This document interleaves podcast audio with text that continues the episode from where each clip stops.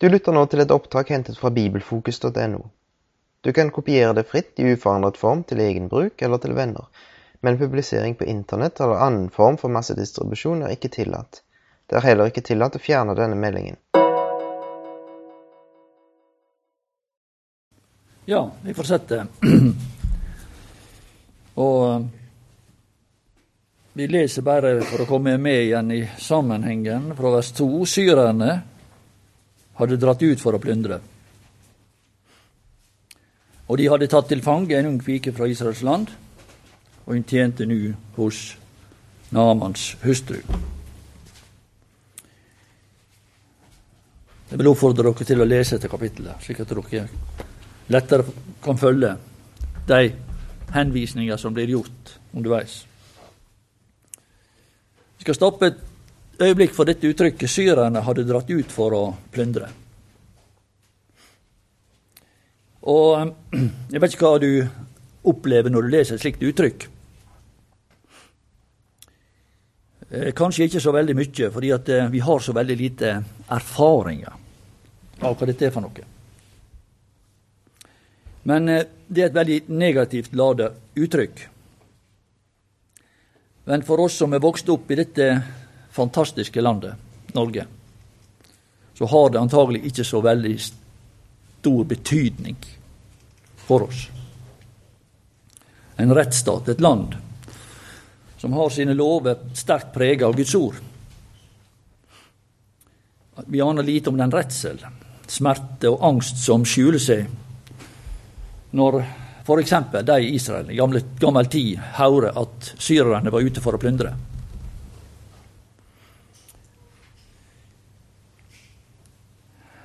Gammeltestamentet er jo et, ei bok, ei billedbok,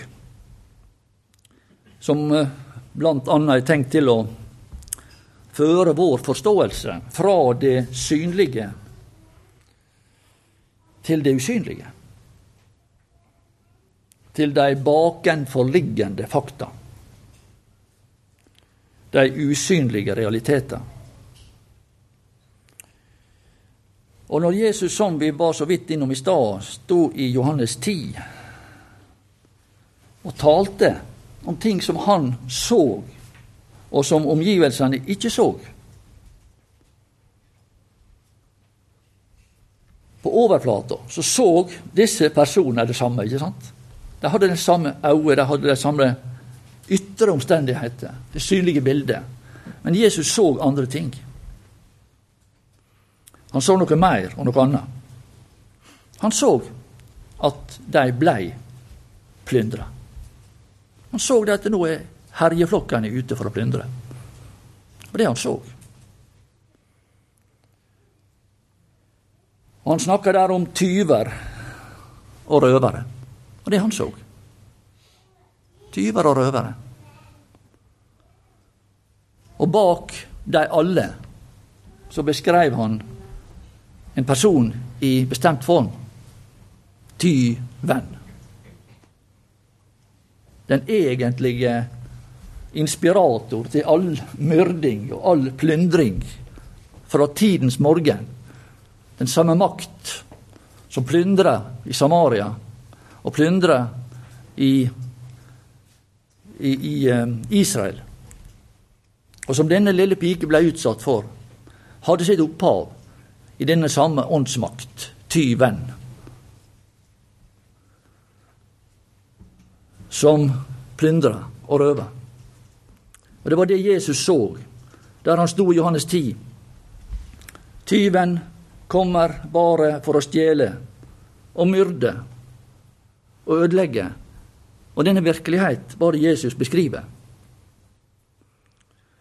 Og i, forhold, i forhold til disse angrep så gir de norske lover og grenser ingen beskyttelse. Eller oljefondet, for den del, som vi trøster oss til. Ingen. Det hjelper oss ikke mot denne her tyven her. Vi er like utsatt som den som vokser opp i Bangladesh eller i et annet utviklingsland. Og denne tyv, han er allereie berøva oss alle. Vi er allereie berøva. I utgangspunktet. Vi er blitt syndere av hans angrep, hans plyndring. Og, det det, og i, den situasjonen det, det var så trøsterikt for meg å lese Johannes 10 denne gangen.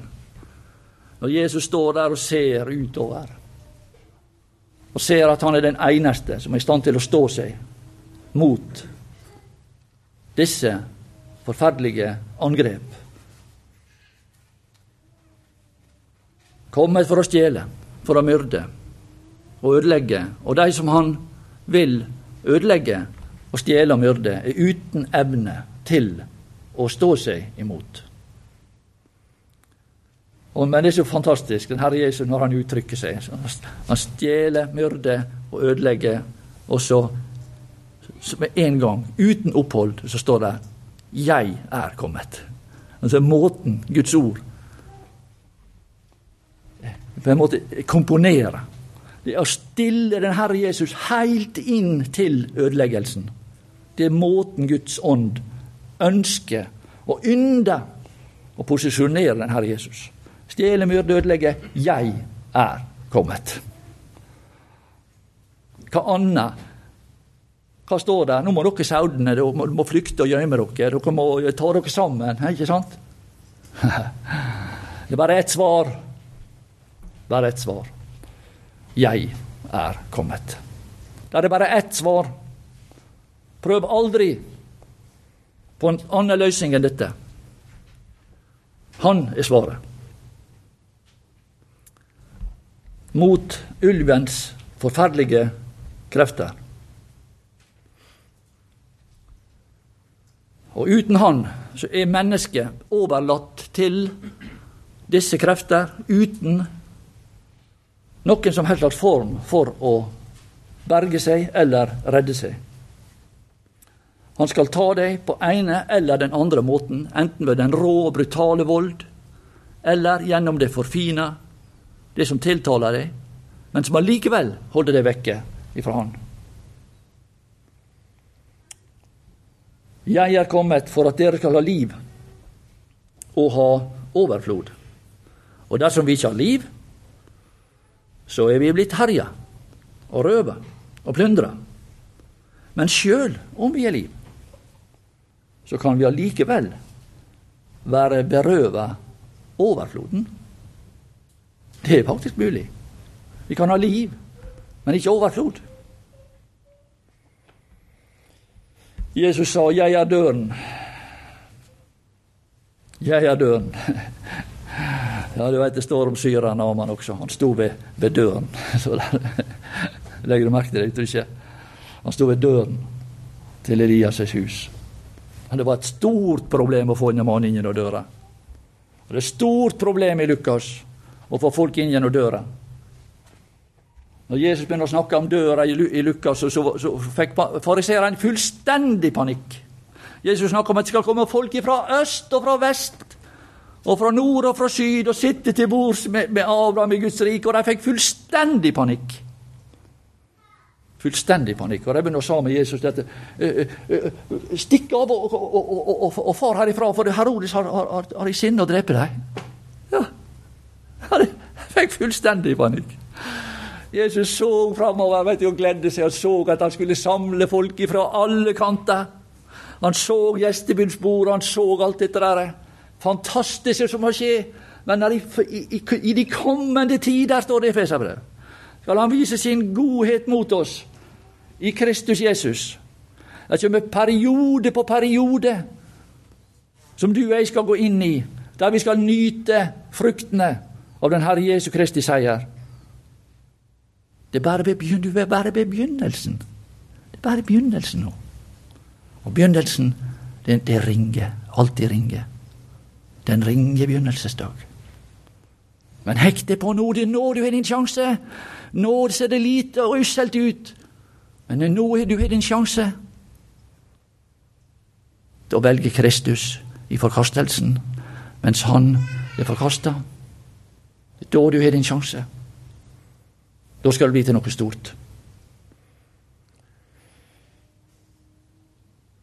Men det var vanskelig å få Naman også inn til frelsa, for døra var så trang. Å, det var så trangt. Å, det var så uselt der ute for døra til, til, til Elias' hus. Det var så elendig og så lite. Og det skulle være lite. Det var så lite at profeten ikke engang kom ut til han. Så lite var det. Han sendte en tjener ut, står det. Ja. En tjener ut. En navnløs mann. Send ut Cutching, kanskje, eller et eller annet. En mann uten navn. Og slik vi møter du også. En mann uten navn. Her står en mann og taler til deg. Er du ufrelst? En mann, et bud. En navnløs mann uten tittel, uten mening, uten noe som helst. En mann som har møtt den Herre Jesus. En fattig fisker fra Sunnmøre. Hvem som helst kan han være. Ja. En navnløs mann som du kan gå forbi som du kan gå for så lett gå forbi og akte for ingenting.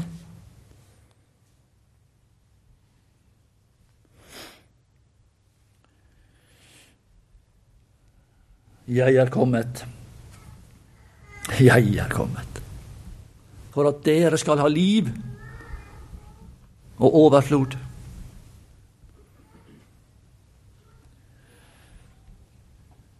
Og han sa, jeg er døren, den som går inn gjennom meg, han blir frelst. Og da har du fått liv. Hvis du går inn gjennom døren. Å gå inn gjennom døren Det er ikke vanlig å stoppe på dørterskelen. Når du har gått inn gjennom døren, så er du inne. Da har du fått liv. Da er det liv. Og da begynner det noe annet. Da begynner det å ete og få overflod. Da det var tanken at du skulle gå inn der og få overflod. Og han skal gå inn og han skal gå inn. Det er etter at du har gått over dørstokken, etter at du er blitt frelst, etter at du kom inn gjennom døren. Jeg er døren. Hans person er døren. Og kan du akseptere Han, så er du innenfor, og du er liv.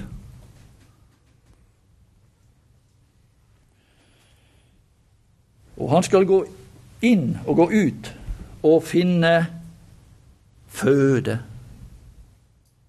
Da begynner den nærende del. Da begynner det nye liv som du får etter at du har gått inn, idet du går inn gjennom døren. Og det skal tilføres en ny næring, en ny form for liv. Og han skal ha liv og ha overflod. Det var det som var Guds tanke.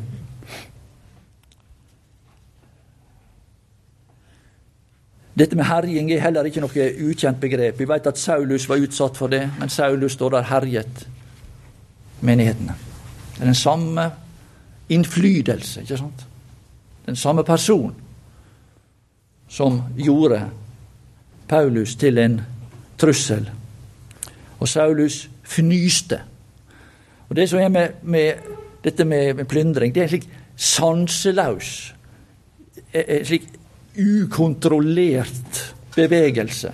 Ukontrollert og meningsløs og ødeleggende makt. Helt uten hensyn. Og, og Saulus fnyste fremdeles av trussel og vold mot Herrens disipler. Og En annen plass sier han det at, at jeg over all måte forfulgte Guds menighet og ødela den. Jeg forfulgte Guds vei til døden bandt og kastet i fengsel både menn og kvinner. Og Så kom han til, til, til det som blei slutten, på en måte, for Paulus. Tenke meg Tenke dere hva, hva himmelen kosta på den mannen. Kan si det at eh, himmelen kosta på denne syreren Aman ei lita jente, med et vitnesbyrd. Hva kosta ikke Herren på, på syreren Aman? Men så var det en dag denne herjen Han også var en plyndrer. Syreren Aman var en plyndrer. Paulus var en plyndrer. Han var utsatt for hadde blitt utsatt for disse krefter som hadde gjort han. Tyven hadde gjort han til en tyv. Morderen hadde gjort han til en morder. Paulus hadde sikkert drept folk. Drept troende folk. I alle fall så hadde han torturert. Men så var det en dag Så var det en dag eh, han sto og så på en mann som heter Stefanus. Så, skulle, så sa Herren det at ja, jeg må koste på Paulus, morderen, og se Stefanus dø. Det er sant? Så jeg koster på han det. Gud er god råd. Den dagen jeg tenker på det, når han så Stefanus dø utenfor Jerusalem, Paulus. Jeg tenker på meg, Han var på en måte som en slags, etter den dagen så var han på en måte en slags tikkende bombe. Så med en dag han så den Herre Jesus utenfor Damaskus, så er det liksom bare slik Å, hvem er du, Herre? sa han.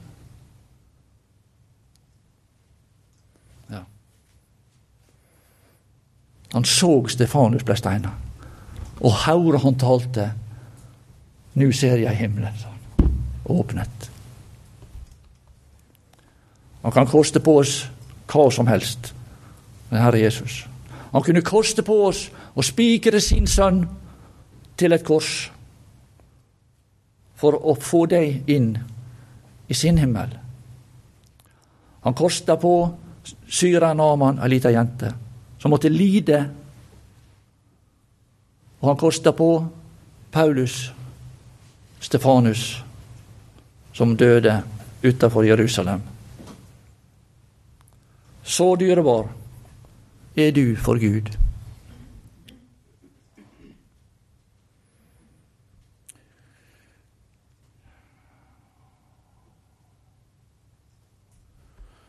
Vi leser videre ifra første kongebok fem over fem. Så dro han av sted og hadde med seg ti talenter sølv, 6000 sekel gull og ti festkledninger. Og han hadde med seg brevet til kongen,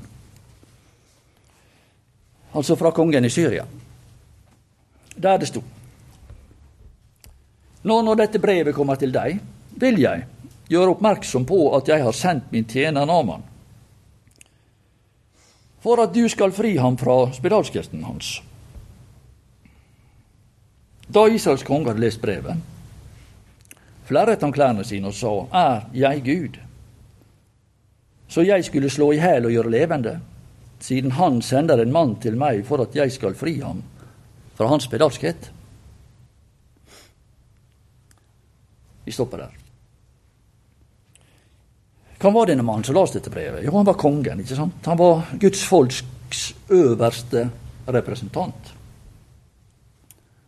Og denne dag fikk han anledning til å vise omgivelsene sine Guds nåde, Guds helbredende kraft, den store Gud som bodde i Israel. Han hadde en fantastisk sjanse. Hva gjorde han den dag han fikk denne sjanse? Da reiv han sønt klærne sine i fortvilelse. For ei kongelighet, du. For ei verdighet, var ikke det, å se her. Her er kongen over Guds folk blitt et uttrykk for alminnelige menneskers svakhet og hjelpeløshet. Og historia den har en forunderlig evne til å gjenta seg, folk. Dessverre. Guds frelste menighet kan fort bli et vrengebilde av den Gud vi ytterst sett, ytre sett skulle representere. Vi bekjenner å være Guds folk, men det skjer ingenting av det som Gud ønsker å gjøre iblant oss. Vi kan ikke bidra med noe annet enn andre kan. Vi holder liv i kunst, kultur og religiøst liv. Men spørsmålet er skjer det noe av guddommelig karakter? Blir noen helbreda fra den alvorlige syndens spedalskhet i våre sammenhenger? Det er bare slike spørsmål som vi kan stille.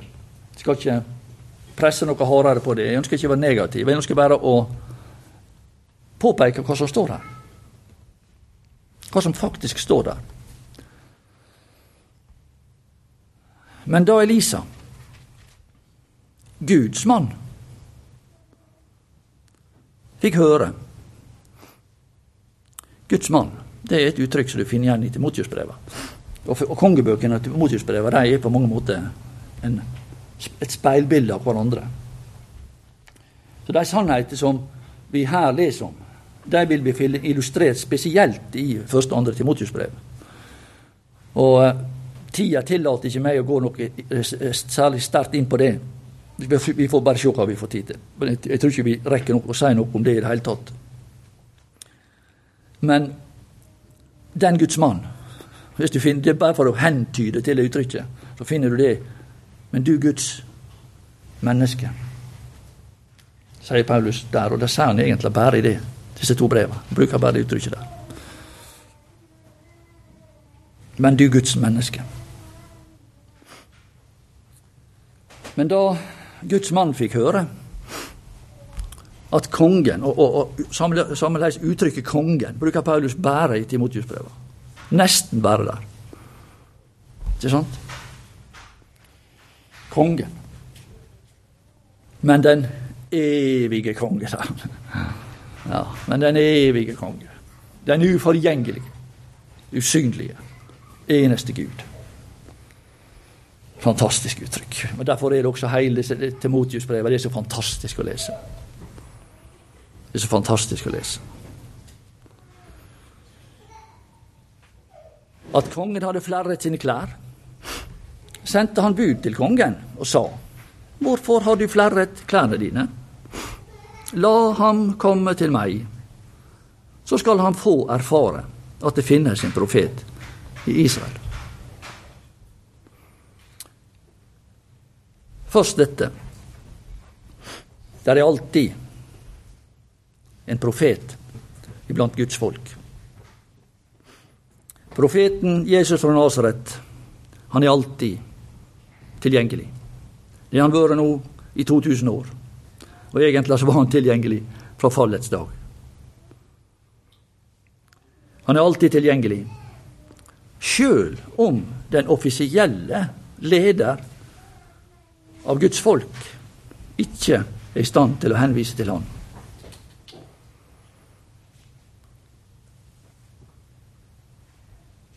Nå som den gang så er, det, er han ikke alltid like levende i vår erkjennelse og Derfor makter vi kanskje ikke med begeistring å introdusere, anbefale Han, slik som den lille jenta kunne det. Og Det er et faktum, og det ser vi illustrert her. Hun var i stand til å henvise til han som hadde redninga. Noe som kongen iblant Guds folk ikke kunne. Er ikke det rart? Merkelig greie. Han som hadde oversikt over hele sitt rike. Hva forskjellig opplevelse vi kan ha av virkeligheten.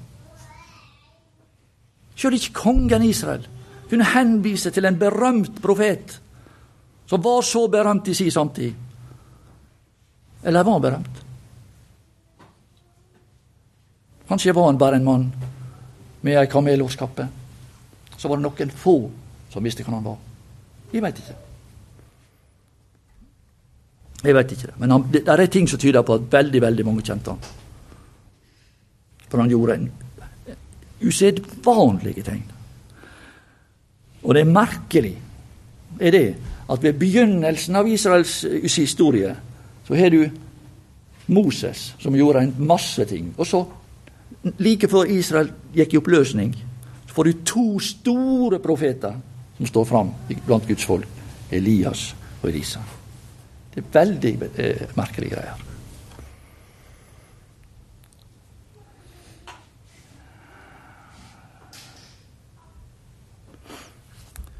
Forklaringa gir Paulus oss.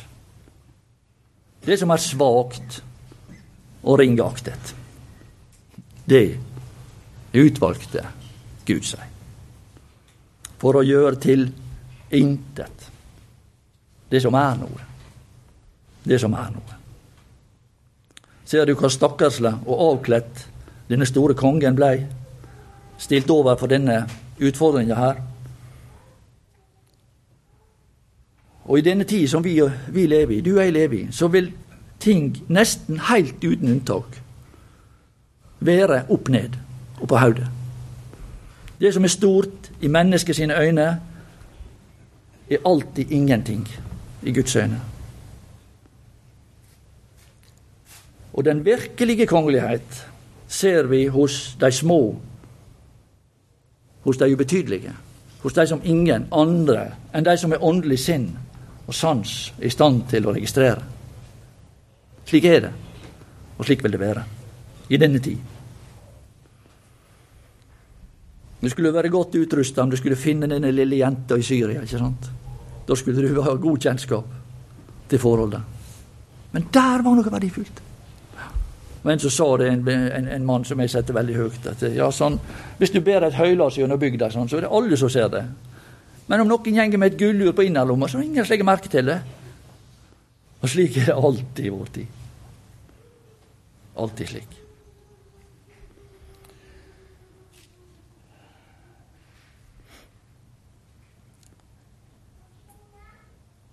Den virkelige kongelighet, det, det var i Syria. Det var ei lita jente. Hun var kongelig i sin opptreden. Virkelig kongelig var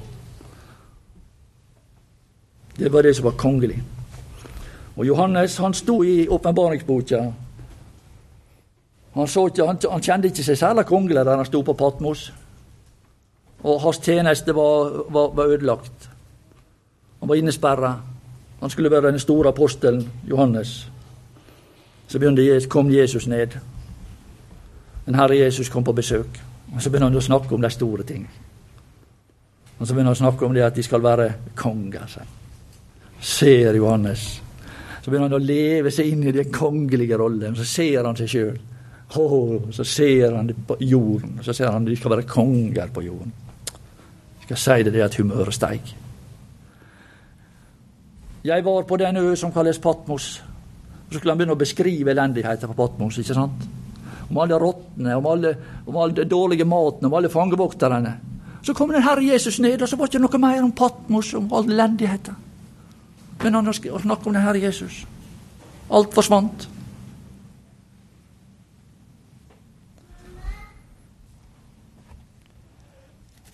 Vi skal være konger på jorden en gang i Kristi offisielle framtreden. Vi er alle født med blått blod i årene, skjønner du. Du er født med blått blod. Ja, i gjenfødelsen. Så førte den Herre Jesus og Gud, vår Far, inn nytt blod. Nye gener inn i deg. Men kongebarna du, de må lære den kongelige etikette, veit du. Føre seg, veit du. Gjøre de kongelige ting. Og vi må lære det nå mens vi er i denne verden. Dannelse i det skjulte, slik at vi kan framstå med autoritet en gang i det offisielle. Når Kristus kommer igjen. Vi skal være konger på jorden sammen med Kristus. Men, slik som jeg ser det iallfall, trulig bare i samme grad som vi er vist kongelighet mens vi var i forkastelse her i denne verden. Det er iallfall mitt syn på det. Det kan være andre fortolkninger. Og, og, og alt som jeg sier, kjære venner, er, er åpen for alle slags forståelse. Jeg har ikke noe, noe slags fast og, og, og, liksom at jeg vil prøve å tvinge min forståelse inn på deg. Men jeg leser det som jeg ser, og det som jeg forstår.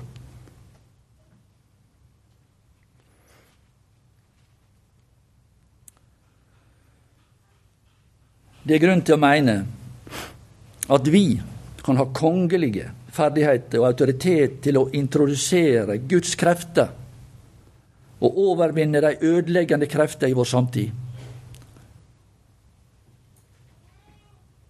Og vi kan være med på en kongelig maktutøvelse, maktfunksjon i det skjulte, mens vi vandrer i denne verden.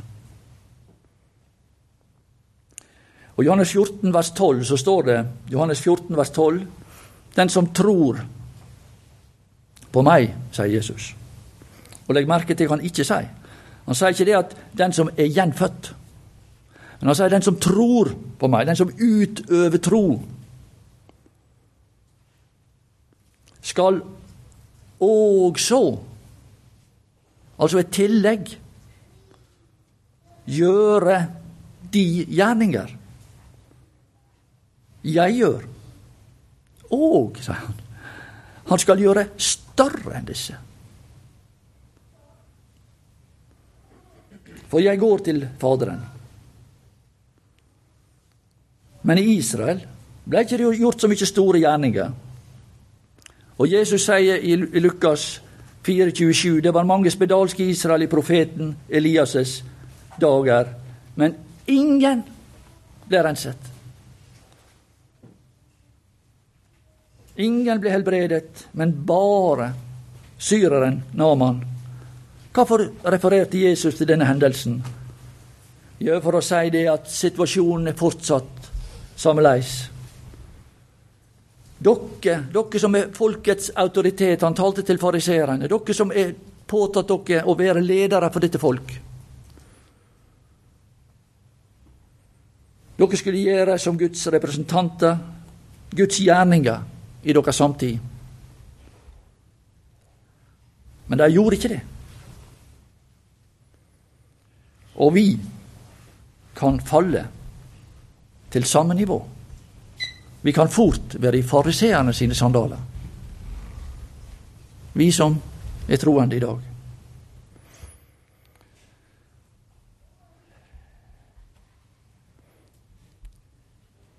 I 5.20 hos Johannes så står det 5.20 For Faderen elsker Sønnen og viser ham alt det han selv gjør.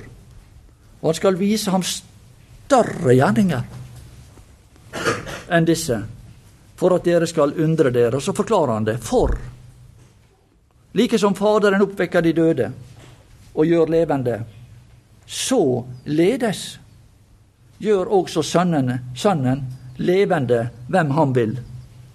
Hva sier Jesus egentlig her? Ja, slik som jeg leser det. Jesus gjorde en masse folk levende. Det vil si, han gjorde en masse helbredelser. Og tusener av andre under. Finnes det større gjerning enn dette? Det er spørsmålet. Finnes det større gjerning enn disse som Jesus gjorde? Ja. Så henviser han til noe. For like som Faderen oppvekker de døde og gjør levende, således gjør òg Sønnen levende hvem han vil. Og det Jesus snakker om her, at han forutså at han skulle levendegjøre de åndelig døde. Det han snakker om. Nå er jeg gjort folk legemlig friske, men jeg har et større siktepunkt. Og det er at jeg skal gjøre noen åndelig friske, evig friske. Det er dette som er de større gjerninger som Jesus snakker om. Han skal gjøre større gjerninger enn disse. Og de som, La oss tenke bare på det at de som Jesus helbreda, det var jo det var jo en legemlig inngripen. ikke sant? Han greip inn i deres kropp og deres legeme. Og det var ikke i seg sjøl den handling var ikke i seg sjøl frelsende. Det ga ikke dem evig liv automatisk, sjøl om mange kanskje seinere kom til tru på Han. De som tror på meg, skal gjøre disse større gjerninger, sier Jesus. Disse større gjerninger. De skal formidle evig liv. Og Gud, er, eller Kristus, han har lagt dette livgivende ord i vår munn. Og spørsmålet er er vi som kongen, eller er vi som den lille piken? Det er spørsmålet. Blir vi fortvilt overfor utfordringer, eller har vi dette enkle, klare, spontane, lyse ansikt som smiler våre, våre venner i møte, bare min Herre var hos profeten. Da skulle han fri ham fra hans spedalskhet. Og denne spedalskhet og denne sykdom er ikke noe som vi kan reparere ved å reparere på legene. Men vi må dypere inn. Vi må reparere på den grunnleggende skade. Og det er det Jesus snakker om når han sier han skal gjøre de større gjerninger enn disse. For jeg går til min Fader. Og Vi ser det enda tydeligere i 5.25 hos Johannes hva disse større gjerninger er. Den time kommer, sier Jesus i 5.20, da de døde skal høre Guds sønns røst, og de som hører, skal leve. Hva snakker Jesus om her? Kan de døde, de som virkelig er døde, kan de høre? Nei, de kan på en måte ikke det, men her kan de høre. Fordi disse personene var på en måte levende. ikke sant? De gikk der, men de var åndelig døde. De hadde øyre, de hadde sanser, slik at Jesus kunne tale til dem. Men de var likevel døde. Da de døde skal høre Guds sønns røst, og de som hører, skal leve.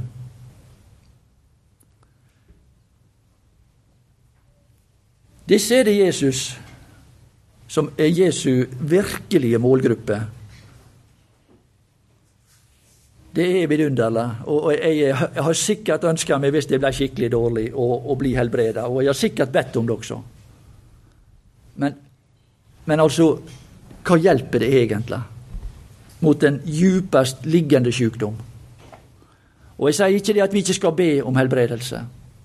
Bare vi forstår å holde ting fra hverandre og se hva er det, den djupeste skade. At ikke det blir uvesentlig for oss, mens vi er opptatt med det ytre.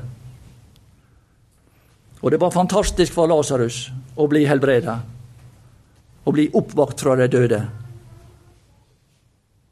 Det var fantastisk, men det var bare det at Lasarus måtte dø en gang til. Det var bare det som var så trist. Og de utallige tusener som møtte Jesus, det var bare en utsettelse av det uunngåelige. Derfor så er Jesu egentlige arbeid det som hadde det evige resultat, det endelige resultat, å føre fram et liv i oss, et liv uten, uten død. Og så er det at Jesus sier at 'den som tror på meg, han skal også gjøre de gjerninger som jeg gjør'. Og er det da, stiller spørsmålet, er det mulig å tenke at det i vår munn kan legges ord av samme evige kvalitet, ord som kan utløse evig liv? Går det an å tenke så revisjonært? Går det an å ha den tru der vi går fram? At vi kan låne den Herre Jesu Kristi ord og røst og tale til våre omgivelser med slik virkning at det utløser guddommelig liv?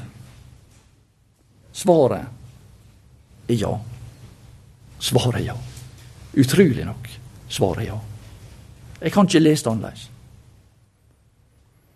Og Det står eh, bare slik eh, om en navnløs mann. Vi snakker om en navnløs mann. Det står i apostelgjerningene. De gikk inn i en synagoge. Det var noen menn, står det var noen menn. Bare evigheten vil avsløre, kan det være. De gikk inn, inn i en synagoge og talte således. Hva slags ord talte de? Det var ord de hadde lånt av den Herre Jesus. Det var den røst de hadde lånt av Han. De som tror på meg, skal gjøre de gjerninger som jeg gjør, og de skal gjøre større enn disse. At mange de talte således at mange kom til troen. Kan dere tenke dere? Plutselig var de gjenfødt. Ut av intet. Det er løfterikt, venner, og det er stort å ha en slik tru.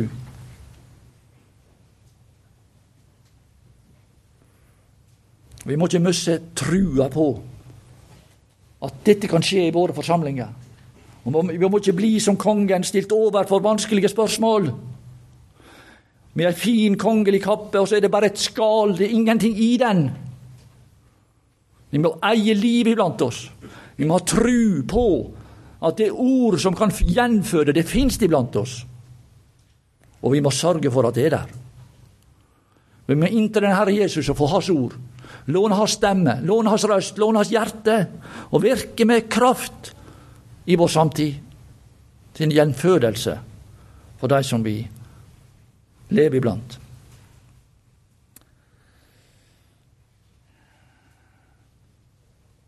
Og I Johannes 6, 29 så sier Jesus Jesus svarte og sa til dem Dette er Guds gjerning.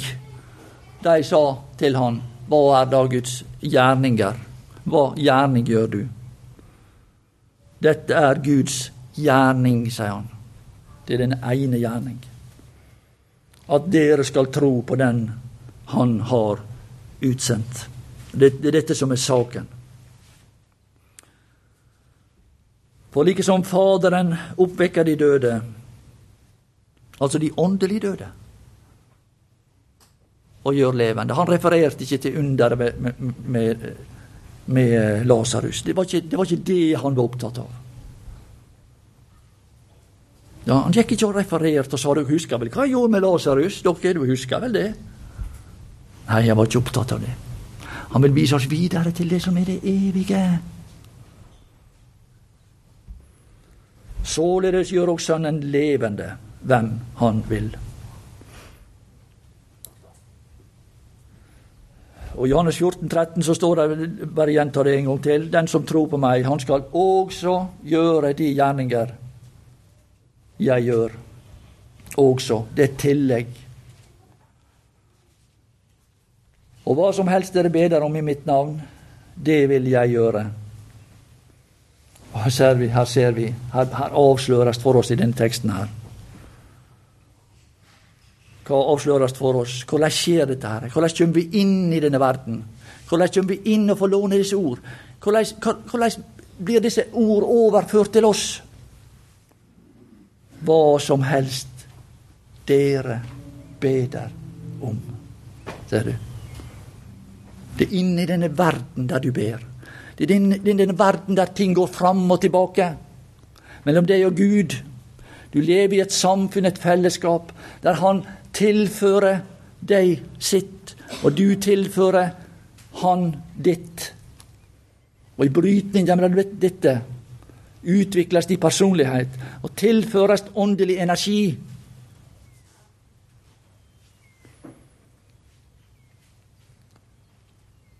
Og så står det noe om et navn i mitt navn. Så lenge vi gjør disse gjerninger som i Hans navn. Tenke, bevege oss, er i tilknytning til alt som er med Hans navn å gjøre. Alt som er innenfor området av Hans navn.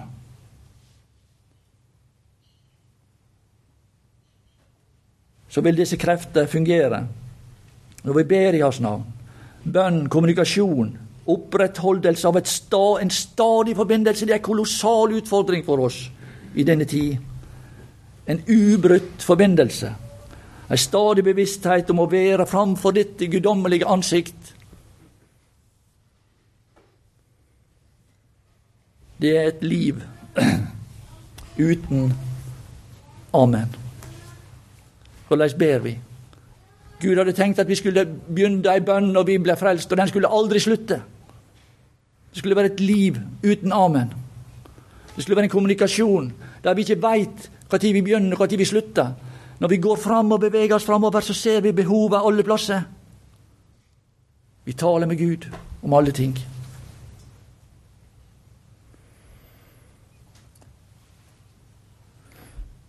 Det er bare på den måten at vårt liv kan bli fylt med guddommelig energi, og bare på den måten at vi kan gjøre disse gjerninger.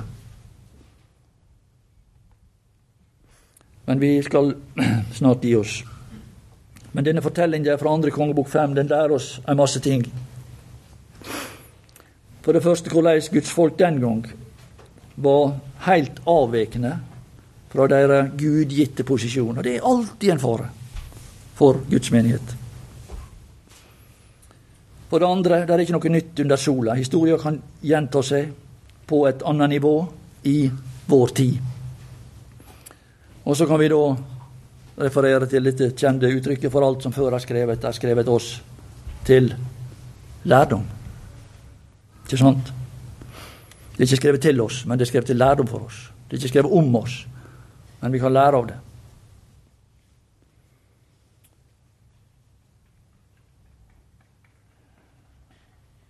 Men allikevel Dette gud, guddommelige mennesket, det har et kall. Den Guds mann. Det er et kall. Og vårt kall er å gjøre levende. Og andre Timotius begynte med dette uttrykket Han som gir alle ting liv. Det er den livgivende Gud som er presentert der. Som gir alle ting liv. Tenk for et uttrykk. Man får livet ditt til å leve. Livet vårt til å leve i alt liv. Mennesket kan begynne å leve, men livet vårt kan begynne å leve.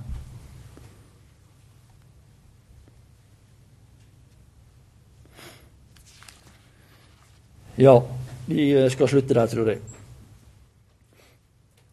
Det var iallfall en stor utfordring å få denne mannen og Naman til elva. Det var iallfall en stor utfordring. Og Det var ikke noen lett sak å få denne staute, sjølbevisste mannen ned til denne lille og lite imponerende elva. Så sto han der og så så han på den elva. Oh, oh, altså. Uff, altså, så så, tenkte han på alle disse store elvene der som kom ifra. Sant? Nei, det puslet liksom. Nå skal jeg til å bli frelst her. Og, Han så at jeg tenkte det skulle være helt annerledes. Jeg skjønner det sånn. Tenkte det var helt annerledes. Ja. Slik tenker vi.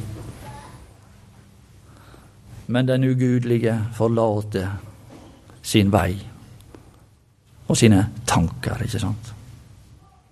Og sine tanker om alle ting. Og omvender seg til Herren.